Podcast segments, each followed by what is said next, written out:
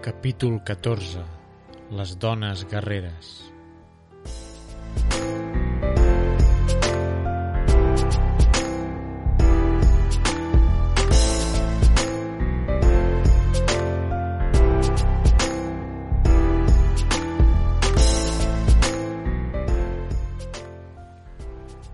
Espero que us hagin agradat les pupusses que us vaig proposar fer al número anterior. I ara que esteu tots ben tips, per què no parlar de la dona salvadorenya en la seva incidència social al país?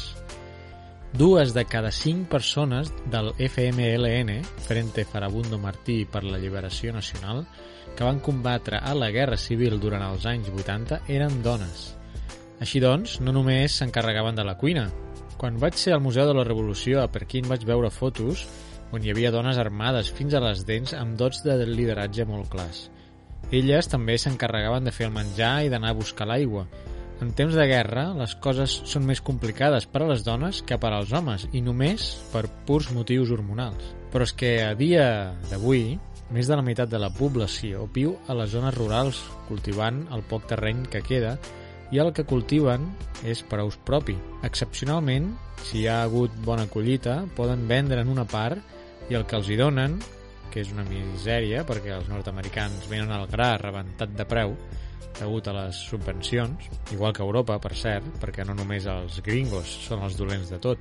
Doncs, com deia, excepcionalment, si hi ha bona collita, poden vendre una part, i el que els hi donen de diners van a parar els mascles del país que s'ho rebenten tot en alcohol. Jo no sé si hi ha estudis sobre l'alcoholisme al Salvador, segurament sí, però és obvi que n'hi ha un percentatge ben elevat d'alcoholisme. La solució recau en les dones, ja que elles són les que realment porten la família endavant. Tenen més responsabilitat i saben el que és parir un ésser humà. Tenen més cura de controlar les despeses, mantenir la llar i vetllar per mantenir un mínim de seny en tot el que fan. Una de les tasques de les que s'encarreguen és la d'anar a cercar aigua de vegades pot ser que estigui fins a una hora de camí de la casa.